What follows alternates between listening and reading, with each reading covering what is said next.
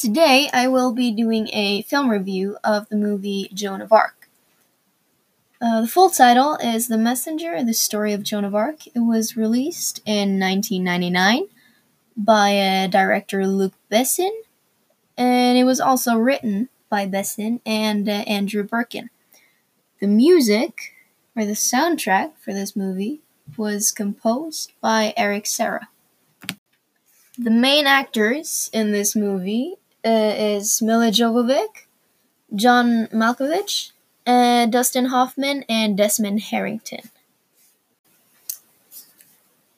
The movie is about Joan of Arc, uh, who was a 19 year old girl who received a vision from God.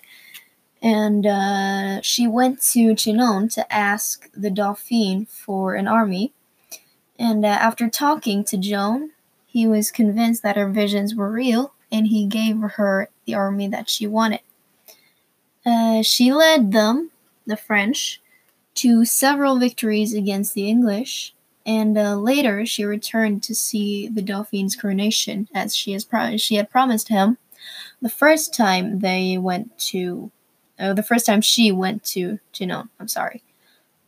Um, after she witnessed the coronation, she uh, continued to uh, campaign. And uh, then she asked the king for reinforcements, but he refused her request.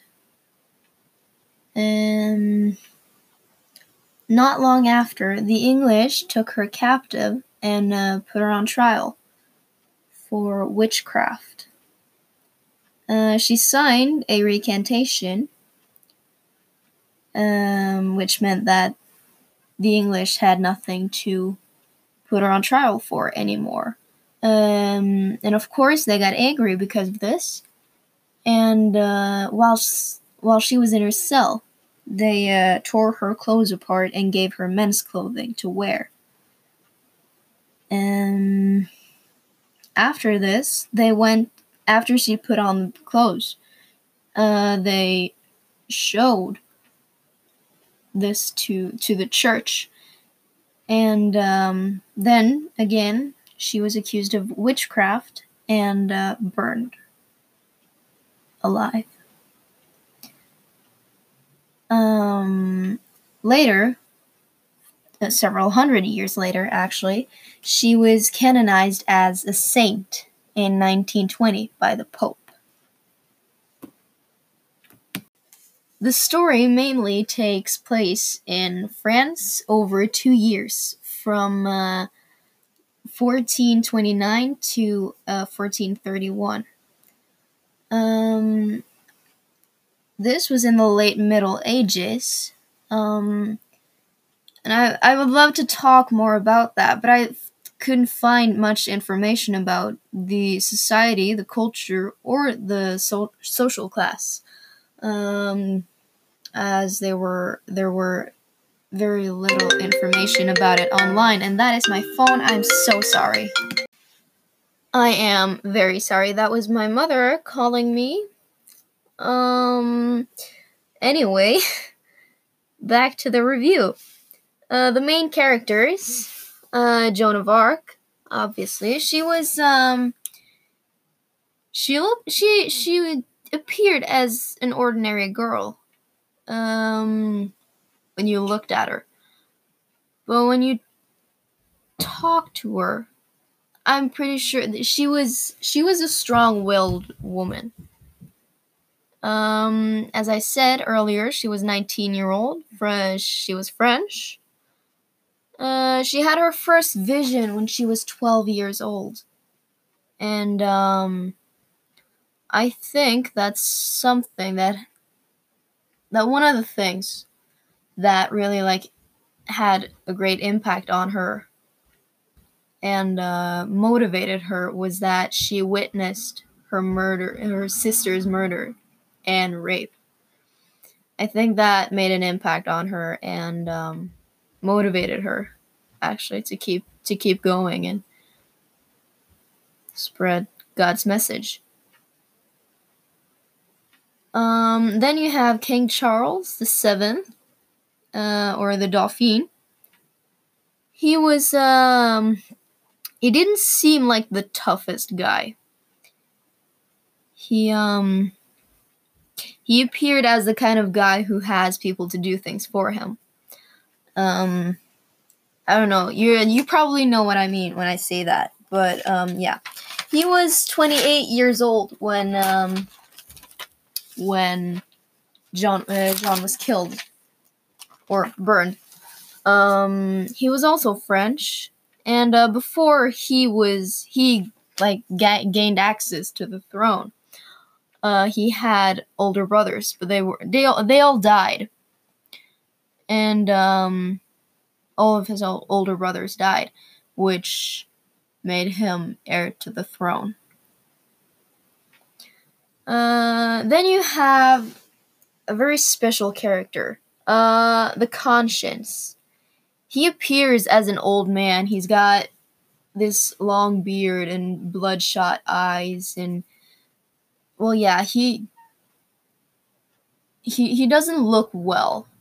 Um, he only he only appears in Joan's visions sometimes, and uh, he uh, he he came to visit her in her cell when she was on trial for witchcraft.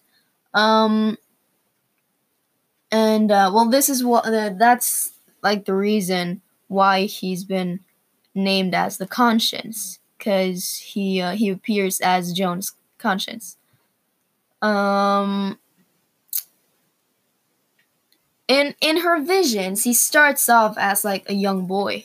When she's young, he's he's he's young too. And then when she grows older, uh, he grows older with her. Uh, except when she's in her cell, he's he's a lot older than her. Um, I mean, I don't know how much older, but you can clearly tell that he is this old man that, um, yeah. Um, uh, Joan herself, if I'm not completely mistaken, asks him if he is like the devil when he comes to visit her in his cell. But when she like talks to him, I think she realizes that it's she's actually like talking to her own conscience. Um, then you have uh, the the last character that I want to draw some attention to is uh, Aulon or Jean d'Aulon. Uh, he he was a good looking man. Um, he seems he or he seemed to to care for Joan a lot. Um, and when she died, he was forty one, and and he was he was probably um the one that was closest to her when she was um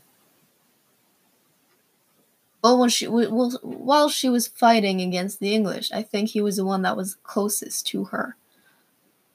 Um, he was he was always by her side um, during during every fight and every yeah every every situation. I personally suspect that they had some kind of relationship. Um, that there were some feelings between them I mean, I'm not 100% sure, obviously. And, uh, I mean, history says that she was a virgin, so I don't know. But, uh, I, I, I felt like I saw something between them. Uh, but that's not the point. um, yeah, he was, um, yeah, he was also French. and, um, well, yeah, he was in war with Jean Joan of Arc, and um, well, yeah. Um, and then the effects. Um, um, in in Joan's visions, you you you see a wind, and it's I I find uh, I found that um really interesting, actually, um, because normally you wouldn't be able to see the wind, but in Joan's visions, you you kind of do. You um, it gave me like the uh, a, a feeling of chaos. Um, because most of the time, um, Jean's visions were about chaos. There were a lot of chaotic or chaos. Well, yeah. It seemed very chaotic and and um I don't know, that's just how the wind seemed to me. Hmm. and uh, well then you got the music. And I feel like the music, it really fit the situations in the movie. It made the feel of the film easier to engage in.